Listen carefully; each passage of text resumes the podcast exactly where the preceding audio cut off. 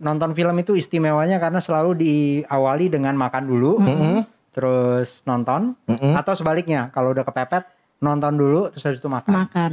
Kalau mau nonton film dulu nyewa gitu. Karena Laserdisc itu mahal banget. Heeh. Kita kayak ke Blok M Plaza waktu itu. Terus ada kayak satu ya kita browsing nyewa gitu. Jadi nyewa nyewa Laserdisc gitu berapa terus nonton ntar dibalikin gitu. Nah, So saya pengen banget mengajak anak Trax untuk ikut menikmati itu juga di dalam sebuah cerita yang mudah-mudahan akan membuat kalian selalu mau pegangan ke sebelahnya gitu ya Nah. karena karena ada tension dan paranoia di dalamnya. Trax FM hits yang kamu suka. Intrax View Hari ini barengan sama Jeffrey Nayawan, Davi Andri Kali ini Yes. kita bukan edisi musik-musikan ya Kita hari ini temanya sinetfil banget. Kita anak-anak perfilman abis hari ini Gila, konsepnya. ngerti banget film hari ini Gila kita, kita ya. ngerti banget tuh apa scoring. Parah. Ah, apa apalagi istilahnya? ah, di DOP. Heeh. Eh, su- Astrada, Astrada asisten eh asisten. Jadi sponsor Gak masuk. bisa, udah gak apa-apa ya Kita masih dangkal-dangkal aja anak trek seperti Ah. biasa. Tapi hari ini kita barengan sama di sini ada jeng jeng jeng. Bola diarahkan ke sebelah jeng, sini. jeng, jeng. Kita kedatangan dari film Paranoia ada Mas Riri Riza. Halo. Ada Kak Nirina Zubi. Hai hai Ada Halo. Mas Arya Prayogi. Yeay, Waduh. orang-orang kece yang berada di belakang ini ya, layar pembuat eh enggak belakang kalau Kanirina Depan, mah di depan depan juga. Iya ini depan ada belakang ada semuanya komplit ya. Yes, coba. Ada. Ada. Perkenalan dulu dong buat anak Trax eh, silakan Mas Masing-masing eh, tugasnya silakan. apa Ah, ah. gitu di film ini? Halo anak Trax, saya Riri Riza. Di film ini saya sebagai co-writer atau penulis skenario. Mm-mm. Eh, dan juga sebagai sutradara. sutradara dan penulis ini Ini emang yang sering penting. Bukan DOP. Beda ya. Itu beda lagi ya. oh jangan sampai DOP singkatan dari Da- eh, Director of Photography. Gila. Tadi gue mau bilang digital of apa gitu. Gue mikir dulu loh. iya Duh, selamat deh nama baik kita ya Trax FM masih terjaga. iya keluarga kita juga Kak Nirina silahkan Halo, saya Nirina Zubir. Di sini berperan sebagai Dina, seorang ibu yang memiliki sebuah keparnoan atau keparanoiaan yang besar, depressive, um, apa ya? uh, the the core of the story of the paranoia. Ibu-ibu banyak masalah. Singkatnya. Singkatnya gitu. Udah dibagus-bagusin. ujungnya kalau dari begitu trailernya sih emang kelihatannya puyeng banget Iya. ya Nggak Ibu-ibu tenang pusing. jelimet gitu Kayak kayaknya ibu-ibu lagi nyari Tupperware. terus terus terus Oh iya iya. Nih, lanjut terus terus nanti saya kena mentalnya nih. Ya, jangan gitu Heeh. silakan Eh, halo ya, kalau saya Arya Prayogi biasa dipanggil eh, Ogi. Saya di sini eh, bantu teman-teman di sini Mas Riri untuk eh, bikin eh, musik sama sound eh, di filmnya gitu. ini scoring scoring nih Ini score Yes, nih. Betul. Benar. jeng jeng jeng jeng gitu gitu. ya kayak dung dur dar dar gebrak gitu. itu kayaknya film India Inspektur Vijay menabrak sesuatu bunyinya gitu tapi sebelum kita ngomongin soal film mungkin bisa santai-santai dulu nih Jadi Ah. sekarang belakangan mungkin kayak setahun terakhir gitu Yes. kali ya ada hobi-hobi baru gak sih kan orang-orang lagi pada punya hobi baru tuh Miara cupang lah, Iya, ada tanaman. ngegedein lele. Selama pandemi siapa ya yang ngegedein ada lele? lah ada ada pada kaya Apa ya tuh. hobi baru? Eh, baca koran minggu, Wow. hobi baru tuh Baru tuh ya. bikin bikin roti tawar sendiri. nah ini keren nih Nah, ini keren nih bikin roti Riri tawar sendiri. Iya. Mau Riri Bakery atau Riza Bakery? Iya bisa nih. Nah, bikin roti sekarang nih sibuknya. Oh, seru juga.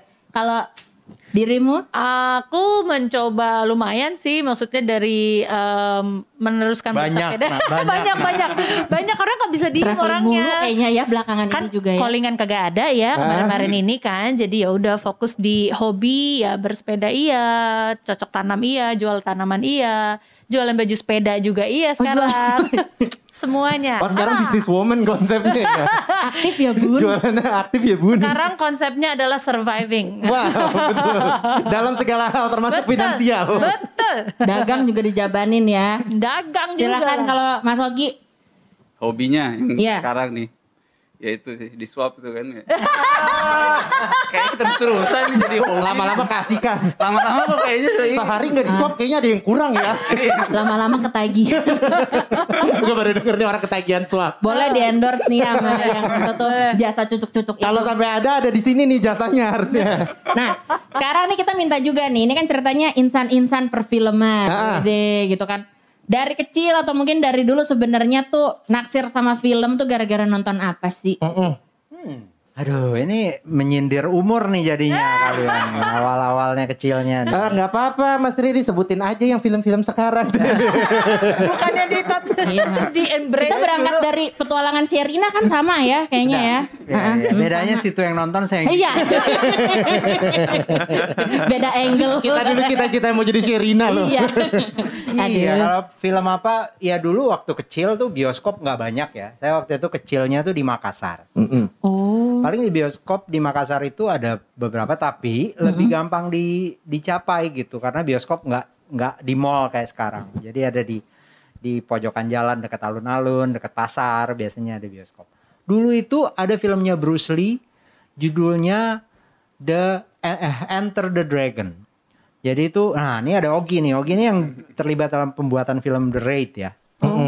Nah itu Enter the Dragon juga kurang lebih kayak gitu. Bagaimana dia harus berantem sama berlapis-lapis orang sampai sampai ke puncak eh, gedung itu, sampai mendapatkan eh, lawan yang paling paling puncaknya gitu, The Dragon. Gitu. Enter the Dragon. Bruce Lee. Enter the Dragon. Banyak Enter the. Dragon berarti yang akhirnya membuat Mas Riri bikin film A gitu. Ya nggak gitu juga sih, tapi pokoknya yang paling salah satu yang ingat Memorable. dan Mm-mm. bikin nonton film itu sebagai peristiwa yang seru gitu. Oh. Karena kan kita selalu pergi sama keluarga sama terus makannya selalu makan enak. Nonton film itu istimewanya karena selalu diawali dengan makan dulu, Mm-mm. terus nonton Mm-mm. atau sebaliknya kalau udah kepepet nonton dulu terus habis itu makan. Makan. Harus apa pun Jadi dimulai jadi dengan memorinya makan. enak gitu loh. Ternyata memorinya bukan ke filmnya tapi ke makanan sama restorannya. iya, apa pun yang penting dibuka dan Iya. ditutup dengan makan. Kalau Kanirina apa nih? I never knew akan masuk ke dunia perfilman gitu, tapi yang na tahu bahwa I like uh, begitu masuk ke rasanya masuk ke bioskop tuh bersama keluarga gitu kayak melihat layar sebesar itu, sedetail itu dan mata kita tuh kayak dimanjain gitu kayak terus kuping kita juga kayak diberi sound yang bener-bener yang pecah tuh sampai sekecil-kecilnya detail prong, pong, pong, pong, pong, kayak gitu-gitu.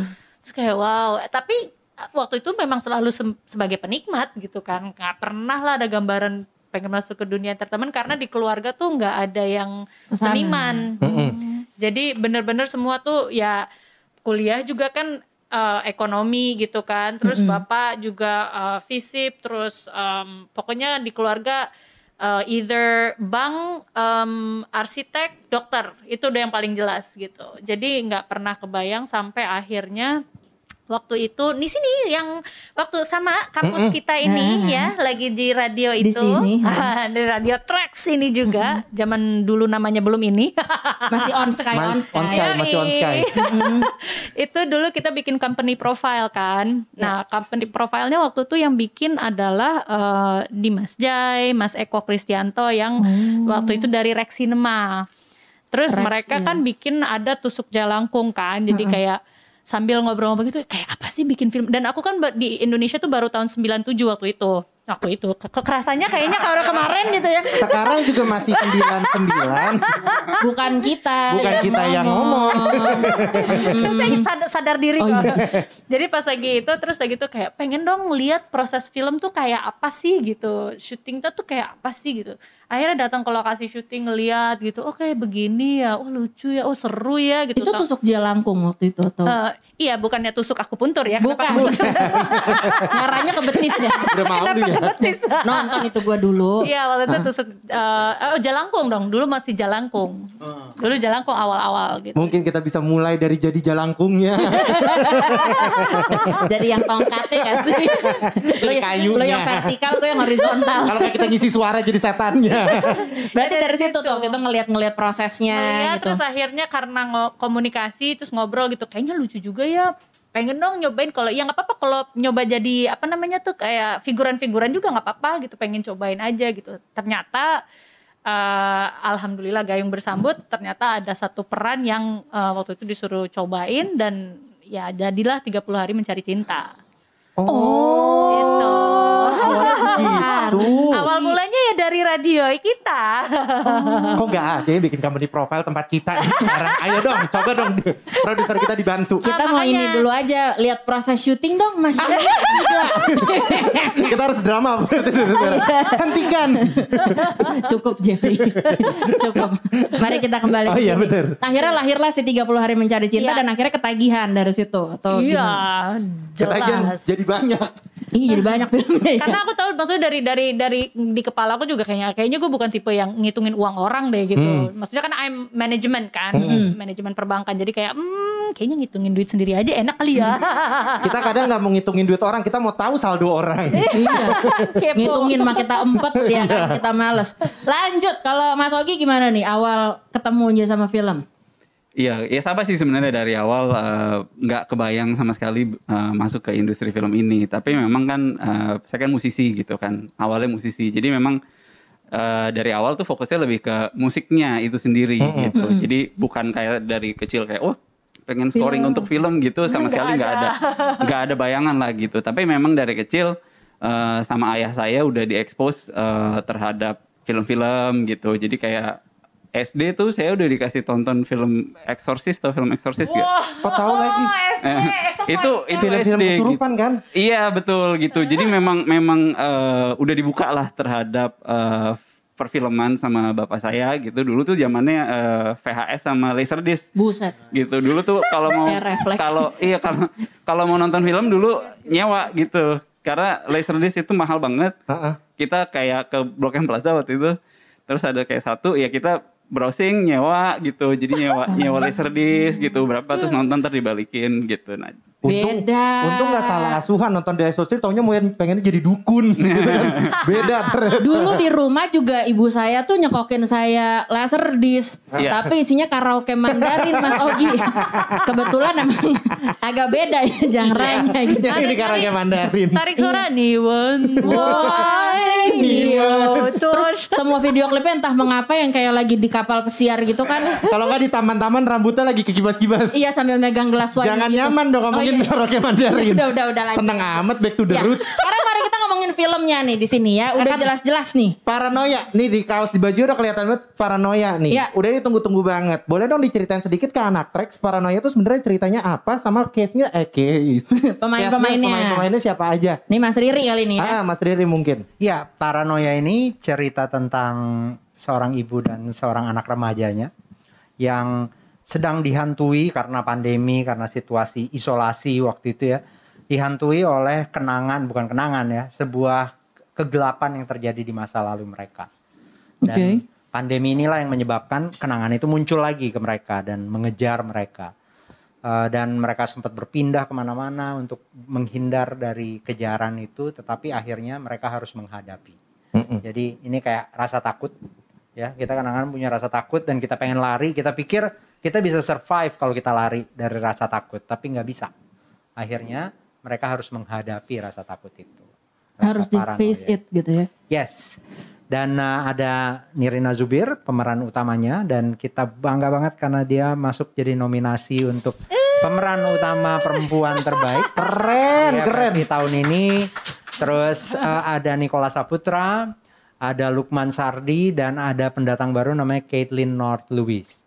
Kalau anak Trax mau ngikutin dia ada ada Instagram dia tapi dia kebetulan sedang sedang sekolah di Belanda sekarang. Oke. Nah, jadi habis syuting tahun lalu terus habis itu tet- tet- tet- tet, dia kuliah dia dia Dia- keterima di sebuah kampus di Belanda dia ada di sana. Terus ada Arya Prayogi Mm-mm. musik dan uh, sound design yang saya udah lama banget nunggu kesempatan bisa bekerja sama Ogi karena film-film yang dia bikin sebelumnya luar biasa. Dan di film ini salah satu kekuatannya itu adalah sound design. Makanya Ogi juga dapat nominasi nih di Festival Waduh, Film Indonesia. waduh. Keren, penata suara terbaik. Bikin kita penasaran ya. Soalnya nih. Pasti pasti kita tonton. Soalnya kalau Dan Direkturnya juga masuk dong, Nah, itu terpilih juga. Biar biar disebutin juga silahkan nominasinya Nah. sebagai direktur terbaik juga. Masuk semua di sini. Semua. Masuk. Kejar, kejar, semua tangkap semuanya. Iya, ada semua namanya Ada satu situ lagi, ya. film Paranoia, film panjang terbaik juga termasuk nominasi. Mantap semua. Dijelaskan filmnya semua ya. Nah, tinggal ditonton aja ini mah udah ya. Kayaknya cukup ya informasi hari ini. Udah ya, udah selesai. Kita udah punya cukup informasi untuk pergi nonton. Udah sampai sini kayaknya ya. Tapi kalau kita ngobrolnya. lihat trailernya moral of the story-nya kalau dikejar kalau lari dari masalah kita akan bertemu Nikola Saputra. Jadi buat cewek-cewek mungkin bisa ya.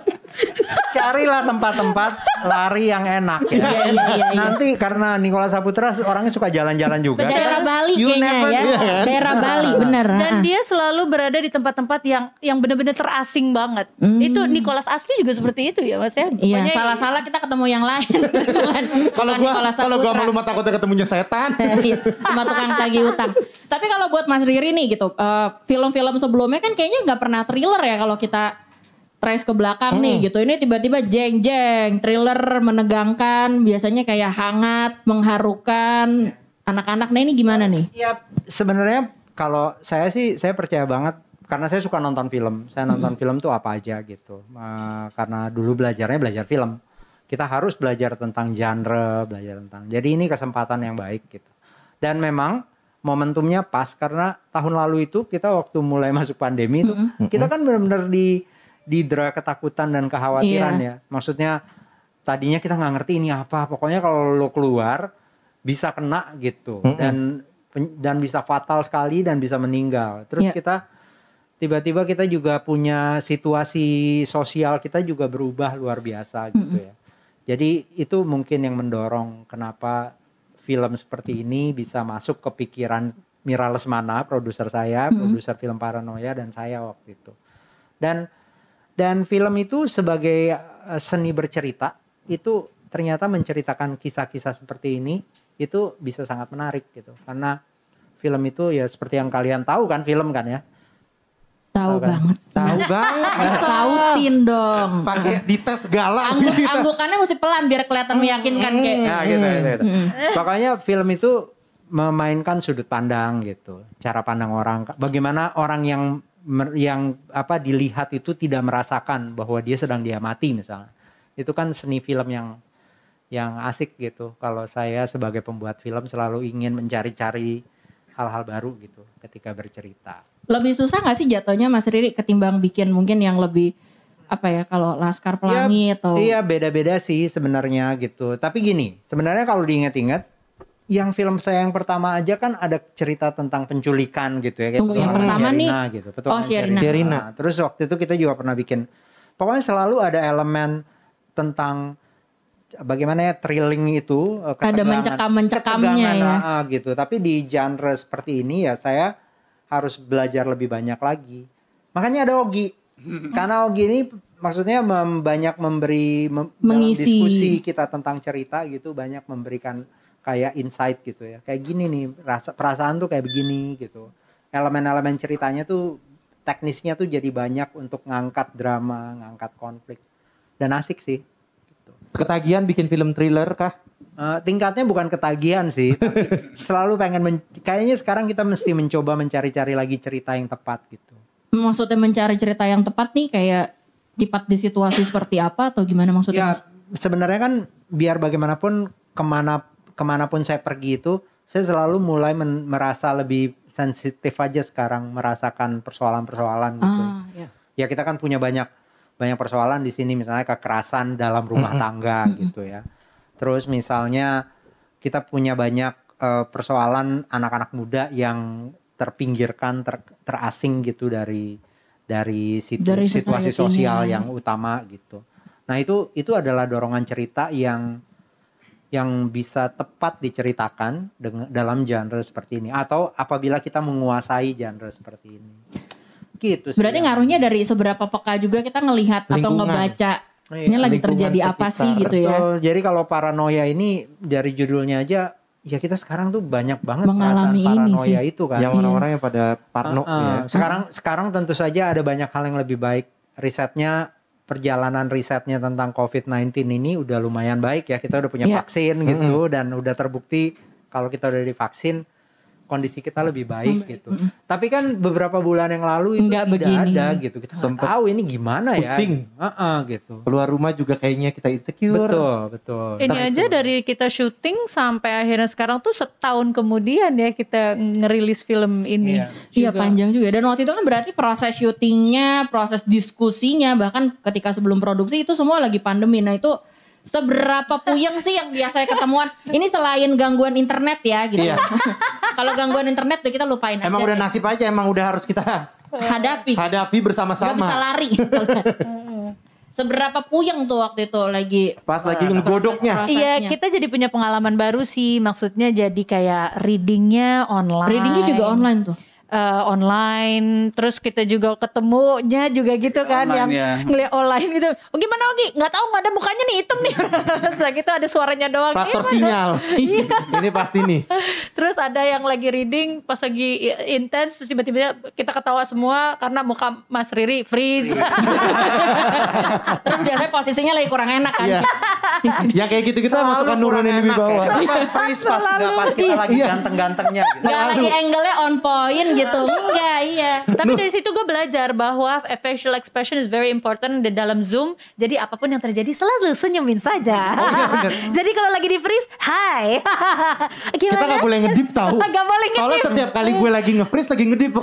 Kayak matanya ketutup setengah. Perih ya mata kita kalau lagi zoom ya. Kesel ya. Nah ini kan dari sisinya Mas Riri gitu. Tapi kalau dari sisinya Nirina gimana nih ketika menerima peran ini nih? Kan kalau yang mungkin sebelum-sebelumnya mungkin jadi ibu juga pernah. Terus banyaknya komedi Tapi ya. lebih, Sama ah, sekali dulu ceria. horor, sempat horor juga kan ya. Aku horor pernah sekali, tapi memang semenjak dari situ aku memutuskan untuk tidak. Kenapa? Adalah banyak ceritanya gitu, tapi Mendingan gak eh, usah.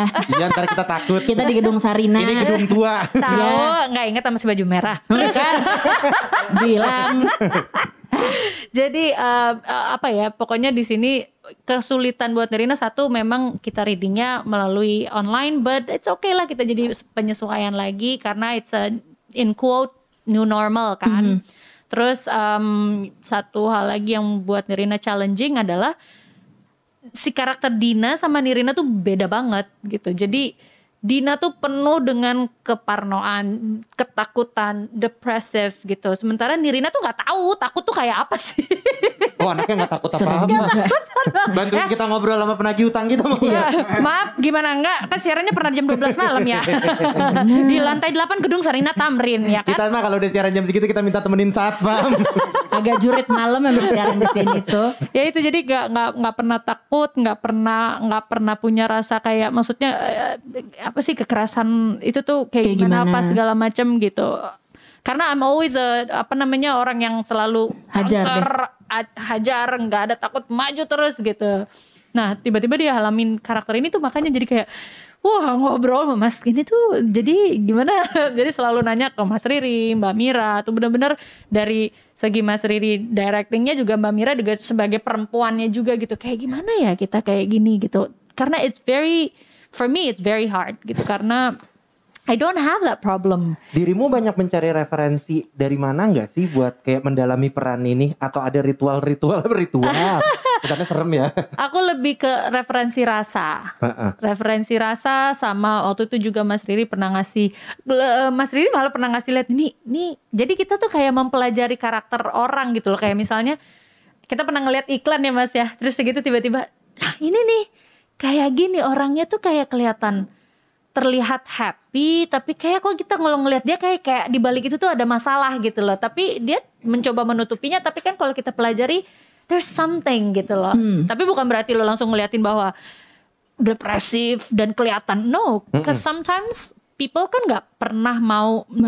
menunjukkan kalau misalnya dia lagi bermasalah jadi giliran dia bekerja dia bisa profesional masih bisa senyum menghadapin orang melayani orang apalagi ini di dunia pervilaan dan em, hotelier gitu Iya. kan jadi service itu kan di depan dan segalanya gitu sementara you can't show like kayak gue lagi ada masalah gue lagi nih nah, itu di hotel nggak pakai langsung kan Iya. jadi tetap harus terlihat eh, bisa memberikan Senyum. senyum, melayani segala macam. Tapi begitu pulang langsung wah Kacau. gitu. Berarti aku mau nanya sama Riri nih gitu. Maksudnya eh, pemilihannya seperti apa sih gitu untuk memerankan peran ini sedangkan yang kita tahu Nirina ini cheerful banget, Beda ceria, semangat gitu untuk memerankan yang sangat depresi seperti ini. Enggak sih sebenarnya yang paling penting imajinasi kita sebagai kita pembuat film ingin melihat gambar atau kehidupan seperti apa di layar gitu. Mm-mm. Dan aktor-aktor ini kan memang itu itu adalah bakat dan pekerjaan dan profesionalisme mereka. Mereka bisa menunjukkan perasaan itu dan dan eh, yang penting sebenarnya menggali perasaan mereka, menggali pengalaman mereka. Asal ada kesempatan Hmm. itu. Biasanya sih saya justru ngomongin itu bukan ngomongin film-film sebelumnya ya. Mm-mm. Justru Hmm. justru nggak nanya waktu lo di film itu gimana lo enggak justru ngomongin ya kayak dalam kehidupan sehari harinya gimana gitu itu yang ketemu dulu begitu begitu ketemu oh kayaknya dia bisa deh gitu dia ada pengalaman hidupnya yang dia bisa tarik untuk jadi peran dijadikan bagian dari perannya Oh, udah dari dari situ udah Digodok dari sana. Ah, ah, Digodok selebihnya ya dari- selebihnya, selebihnya ya soal profesionalisme. Maksudnya dia punya waktu tepat apa enggak, terus habis itu dia punya kayak punya excitement enggak dengan pekerja bekerja bersama karena Hmm. bekerja bersama it- film itu kan bekerja bersama ya harus Kolaborasi ya. Ah, kita harus menghabiskan Berdarah-darah bareng tuh kayak Berdarah-darah banget. That's why I feel like bersenang-senang bareng juga. betul. Iya, Jangan Dua-duanya. lupa. Kesannya mau darah doang. kayaknya menderita gitu ya. Enggak juga. Dari tadi diam-diam aja mungkin kita bisa nanya nih sama Mas Ogi ya. Kalau buat eh, dirimu sendiri gitu untuk di paranoia ini Aku nggak tahu maksudnya kalau scoring musik apakah memang harus tegang terus dari awal sampai habis. Tapi kan kita memainkan emosi melalui audio gitu. Iya, nah audio kalau yang dipilih pasti banyak juga ya. iya, nah kalau di paranoia sendiri challenge-nya kalau eh, dari sisi musik seperti apa sih? Musik dan sound. Dan sound, iya. Ya, nah di project ini eh, saya cukup beruntung bisa ngobrol dengan Mas Riri di awal sekali. Pada saat skripnya aja belum lock ya Mas ya. Waktu itu skripnya aja belum lock, eh, jadi kita masih hanya bahas konsep gitu sama sinopsis singkat gitu. Jadi dari momen itu udah bisa mikirin kurang lebih kita bisa create apa nih suasana seperti apa gitu. Dan tugas saya juga sebenarnya sama eh, dengan dengan sama seperti Nirina gitu kayak saya mencoba em, memberikan rasa yang nggak kelihatan di gambarnya gitu. Jadi misalnya gambarnya emang udah kelihatan tegang bukan berarti saya harus bikin tegang-tegang banget gitu. Jadi Jantungan lah yang nonton. Iya gitu. Gimana Stres. Kita kayak lagi panik. gimana caranya bisa mensupport gambarnya gitu dan bercerita sesuatu yang memang eh, di visualnya itu eh, mungkin nggak ada gitu. Jadi kayak ada mungkin ada suara jangkrik atau suara eh, hewan apa gitu yang bikin eh, parno makin gitu ya. makin. Gitu. Jadi di sesuatu yang di off screen gitu. Jadi ya sebenarnya Toke. iya gitu kan kayak Itu bukan takut karena apa? Emang takut kita mau tokennya. gitu jadi jadi cerita-cerita yang yang yang memang eh, saya berusaha eh, di luar dari visual itu saya support gitu saya saya, saya coba eh, ceritain sih Tapi yang paling sulit dari paranoia sendiri itu ada nggak sih scene yang kayak ada apa ya kira-kira pakai yang apa ya scoringnya gitu? Ada nggak sih? nah karena eh, Mas Riri sudah sangat jelas eh, menjelaskan filmnya dan tujuannya karakternya dan lain sebagainya eh, terus terang sih nggak kita prosesnya smooth sekali ya mas ya dari awal sampai akhir tuh eh, nggak pernah ada terjengkal gitu. Karena memang kita maintain komunikasi yang baik gitu. Nah itu satu-satunya kunci eh, sebagai film komposer dan sound designer adalah bisa maintain komunikasi yang baik dengan sutradara dengan produser dengan aktor dengan editor dengan VFX gitu. Karena kan ini kita semua nih bareng nih tujuan kita ya. visinya bareng visinya sama kita tujuannya sama gitu. Jadi kayak dari awal eh, saya udah tanyain kayak nih kita color gradingnya mau kayak apa? gitu. Maksudnya kan saya Itu sebagai ngaruh ya? Iya Oh saya itu ngaruh sebagai untuk masukin sound juga ternyata. iya urus maksudnya bagi mungkin bagi orang lain kayak urusan lo apa ngurusin Color warna grading. gue? Ah, gitu kan. tapi itu menjadi apa ya suatu kesatuan gitu ketika saya bikin musik. Saya nggak cuman kayak oh gue bikin musik yang keren aja buat ini. Tapi nggak eh, gue mencoba Harus sinkron nih sinkron semuanya ya gue ya. mencoba eh, apa ya mem- menyamakan lah gitu dengan yang lain. Kita crop jadi satu. Jadi ngelihat actingnya Nirina juga gitu ngelihat editing gambarnya juga pergerakannya face nya dan lain sebagainya gitu Eh ini mumpung ada Mas Ogi, aku pernah denger ya katanya eh, scoring yang bagus itu adalah ketika ketika kita lagi nonton kita tuh kayak jadi nggak bisa misahin antara ini scoring, ini lagi gambar tapi dia kayak emang udah ngeblend aja gitu. Satu itu bener gak sih atau sebenarnya dia harus kayak ada stand outnya gitu? Iya sebenarnya itu lagi-lagi eh, variasi aja gitu. Nggak nggak harus itu bukan sesuatu Nggak ada yang pakem aturan ya? yang pakem yang paling bagus nggak ada lah maksudnya. Kita semua seni berbagai macam lah gitu. Semua bagus gitu. Gak ada Kayak- bener, gak ada salah. Iya nggak ada bener nggak ada salah gitu. Ada eh, film yang memang membutuhkan sesuatu yang lebih subliminal, sesuatu yang lebih kayak nyatu. Tapi ada juga film mungkin yang kayak film Hitchcock gitu yang scoringnya rasanya wow di depan banget gitu kayak wah dikasih lihat gitu. Jadi memang tergantung eh, filmnya sih, tergantung kita mau bikin apa gitu. Nggak ada yang salah. Gak ada benar. pakemnya. Nggak ada, nggak ada pakem. Bikin scoring-scoring. Kita dengerin aja. Kayak emang tapi tapi yang juga penting itu sebenarnya yang kita selalu cari adalah ini ini dunia ceritanya di mana dan kapan gitu. Itu juga bagian yang penting ya. Maksudnya supaya yang seperti yang tadi jangan sampai justru kita kayak merasakan musik jalan ke mana, gambarnya ke mana. Lari. Dia harus kita harus in a way kita ketika menonton tidak kayak bertanya gitu. Ini ini apa ya bunyi apa gitu hmm, begitu ada kerasa kayak begitu kan kadang-kadang film jadi terganggu Hmm. Karena Iya. film kan tentang tentang tokoh tentang ceritanya. ibu ini gitu Iya. dia harus bagaimana dia semua ketemu supaya tidak membuat membuat penonton jadi kayak merasa "Hmm," gitu padahal dia sedang mestinya dia dia sedang larut dalam cerita Mm-mm. kalau pembuat film tuh maunya gitu pokoknya kalau bisa jangan mikirin hal-hal lain apalagi yang teknis-teknis gitu Mm-mm. ketika Yes. nonton supaya kita mengikuti ceritanya dengan baik tapi kita dapat feeling yang lain juga gitu dapat dapat emosi. semua. Feeling yang lain maksudnya gimana tuh? Iya kadang masa mas maksudnya kadang-kadang kayak soal harmoni Oh, kayak oke. kita kita tiba-tiba kaki kita bisa bergerak karena ada musik yang wah asik Kita banget ya ikut nih, musiknya. Kita tiba-tiba larut gitu. ya. Ha-ha, tapi pada saat yang sama jangan sampai cerita itu tertinggal Hmm. karena kita keasikan Kasihkan nama lagunya. Dengan si bumbu-bumbu lupa. perangkatnya. merasakan lam apa eh, musik Mm-mm. atau lampu gitu ya kadang-kadang saya juga kadang-kadang nonton film se- kalau ada lampu yang keindahan gitu ya tata cahaya keindahan saya jadi terganggu karena saya jadi Fokusnya sama lampu. fokusnya ke lampunya Ih, gimana bikin lampunya tuh ya? Mereknya apa ya nih lampu Ah, ya? yang kayak gitu-gitu Iya, jadinya. iya. itu itu yang mencari keseimbangan itu itu seninya yang tadi biar bisa dia menyatu Berkesinambungan semuanya lah ya. semuanya ya.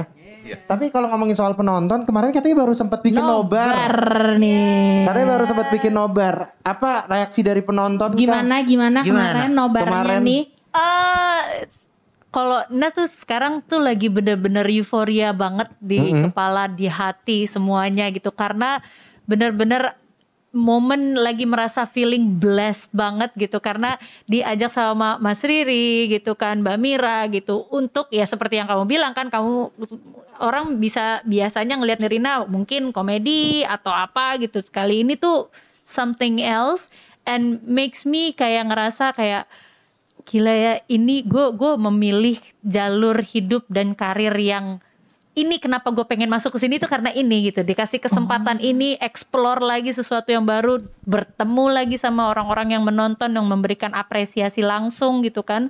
Masuk ke dalam bioskop lagi aja udah bikin merinding kemarin ya mas ya. Udah kayak oh my god ini udah berapa tahun banget gitu rasanya ya. kita kita banget kita buka ini namanya kan nobar ya kayak special, Special screening, screening, gitu. hmm, dan iya. uh, kita bukanya harus lewat online ya jualnya hanya bisa lewat MTX tidak bisa datang ke dan kita buka jam 8 pagi jam 8 lewat 10 gitu Lim- udah ya. habis udah habis uh, 10 menit? ah, ah. Yes. jadi ada 80 Wow. seat itu yang semuanya penuh terus terpaksa besoknya kita buka lagi sekali jadi antusiasme antusiasme publik terhadap film ini mudah-mudahan terhadap film Indonesia terhadap film in general itu sudah sangat baik gitu sekarang jadi mudah-mudahan Membuat kita jadi tidak sabar untuk menontonnya juga.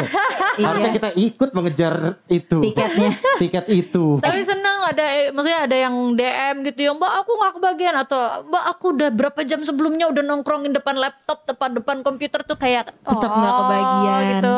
Ada yang kebagian, ada yang enggak. Tapi maksudnya intinya antusiasmenya sih yang bikin kita kayak Antusiasmenya luar biasa. Oh, dan untuk aku juga di sebagai pemain juga kan kembali lagi gitu dikasih kepercayaan ini tuh kan kayak oh itu kayak bener-bener ini oh, euforianya aduh, lagi gede aduh. banget jadi kalau ketemu sama orang kayak nah ayo oke I'm okay tapi padahal dalam hati tuh lelah Kayak excited banget gitu kan.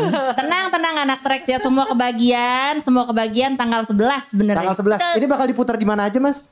Nah, pokoknya hampir seluruh kota di Indonesia yang ada bioskopnya. Tentu saja ada ada beberapa yang sudah cukup siap terbuka dari beberapa bulan ini. Kayaknya sih hampir semua kota di Indonesia ada deh. Kalau di ya? Jakarta mestinya nggak ada masalah. Jadi Tinggal kita- nonton. Ayo kita berbondong-bondong datang tanggal 11. Iya. Kayak kayak ayo kita kayak bedol you. desa ya ke sana. Kita kudu gercep supaya nanti kita nontonnya nggak dongak Iya. ya anak tracks Sampai ya. nih leher. Nanti kita encok. Mungkin ada pesan juga nih buat anak tracks nanti buat yang menonton kira-kira gimana atau mungkin ada ajakan-ajakan tersendiri. Iya, eh, saya senang banget dengan kesempatan masih bisa bikin film di masa yang kemarin tidak terbayangkan ini. Dan eh, kita mengerjakan film ini dengan kesenangan yang luar biasa. Kita berada di sebuah tempat yang indah banget. Nanti teman-teman bisa lihat tempatnya. Ta- Dan kalau merasakan itu sebenarnya hampir semua kru itu diisolasi di dalam di dalam ruangan itu. Bikin bubble istilahnya. Jadi kami tidak menerima orang dari luar, kami juga nggak keluar-keluar. Yang masak ya yang di dalam Di situ. situ dan kita menikmati matahari setiap hari dengan senang gitu. So saya pengen banget mengajak anak tracks untuk ikut menikmati itu juga di dalam sebuah cerita yang mudah-mudahan akan membuat kalian selalu mau pegangan ke sebelahnya gitu ya karena karena ada tension dan paranoia di dalamnya. Mungkin dari Nirina, dari Mas Ogi ada tambahan? Ya kayaknya di masa yang sekarang ini kita film ini dibuat di masa pandemi. Mm-mm. Keluarnya juga masih, Masih dalam masih pandemi. masa pandemi dan terkadang kita suka lupa pas lagi kita dalam masa isolasi, inkubasi atau apa pun itu namanya gitu. Kita hanya bergelut dengan apa yang ada di sekeliling kita. Tapi dengan adanya film paranoia juga istilahnya kayak membuka mata bahwa eh ada orang yang mengalami ini loh di tengah pandemi dan membuat kita jadi kayak punya penuh rasa lagi gitu karena selama ini kita terlalu terfokus kepada diri sendiri dan sekeliling kita yang yang kecil aja gitu kan. Mm-mm. Nah, ini kembali lagi membuka mata dan membuka rasa karena kita tuh udah di berada di berapa tahun ya kita kayak begini gitu. Jadi kayak kita lupa bersosialisasi, lupa untuk mem- memberikan kepekaan gitu. So this movie is all about that. Jadi nonton. Relate banget ya. Relate buat banget sama kita kehidupan ya. kita yang tukang parno ini. Baru keluar pagar. Aduh. Iya. Karena selain eh, mungkin COVID meningkat, asam lambung juga kita belakangan ini meningkat ya. Benar, benar. Eh, seiring berjalannya waktu. Dari Mas Ogi ada tambahan mungkin? Iya, kita kan kayak di masa pandemi ini eh, ada ya di banyak orang punya fenomena yang kita akhirnya jadi nggak kenal jam kerja kan. Iya. Kayak kita setiap hari meeting dari pagi sampai apa Zoom terus gitu kan kita bisa sampai malam masih kerja gitu. Nah, keindahan eh, kita nonton di bioskop kan kita kayak seperti actually beneran Liburan. istirahat gitu kan. Kayak kalau kita nonton di handphone kan kayak kita ada WhatsApp masuk ya kita pause gitu kan. Terus kita nonton di laptop juga nanti ada gangguan apalah gitu. Nah, kalau nonton di bioskop tuh rasanya ke seperti kayak yuk kita santai dulu yuk gitu dari semua eh, hal ini karena di mana-mana kan sekarang kita eh, kerja di rumah tuh WFH nggak ada nggak ada jam Iya. gitu. Kita, Ah. kita kerja tuh bisa sampai ya jam 10, jam 12, jam 2 gitu kan. Nah, kalau kita di bioskop kan kita bisa bisa kayak betul-betul Iya. oke kita Ini waktu eh, buat ini, ini waktu nih. gue ini. Ini waktunya ngelepas tanggung jawab kita. Jaga gitu juga. Pantas kurang sukses. Pantas kita gini-gini aja. Airplane mode mulu cari orang. Emang beda ya. Aduh udah gak sabar banget kita nungguin sekali lagi di tanggal 11 November ya. Ini ya Yes. Paranoia akan keluar. Kita nggak sabar sekali lagi anak Trax kita nonton bareng. Bedol desa ke sana kita, yuk. Let's Nanti go. bisa di-share silahkan banget ya mungkin nanti kalau mau menceritakan experience-nya juga ini kayaknya kita lihat sepertinya semua membuka dengan tangan terbuka Hmm. gitu ya Jadi perasaan-perasaannya bisa saat menonton. bisa melihat gambarnya dan sensasi mendengarkan pekerjaan Ogi di bioskop. I, I guarantee itu sebuah pengalaman yang baru juga. Iya. Coba kalau meninggalin komen saja boleh. Nirina Zubir. Paket lengkap deh ini ya paranoia. Aduh. Yeay. Kalau mau ninggalin komen yang sopan ya, tapi anak tracks ya. Oh iya. Sopan kok anak-anak anak Trax mah percaya sopan. Tuh sopan. denger dong dari Yakin. yang on sky on sky.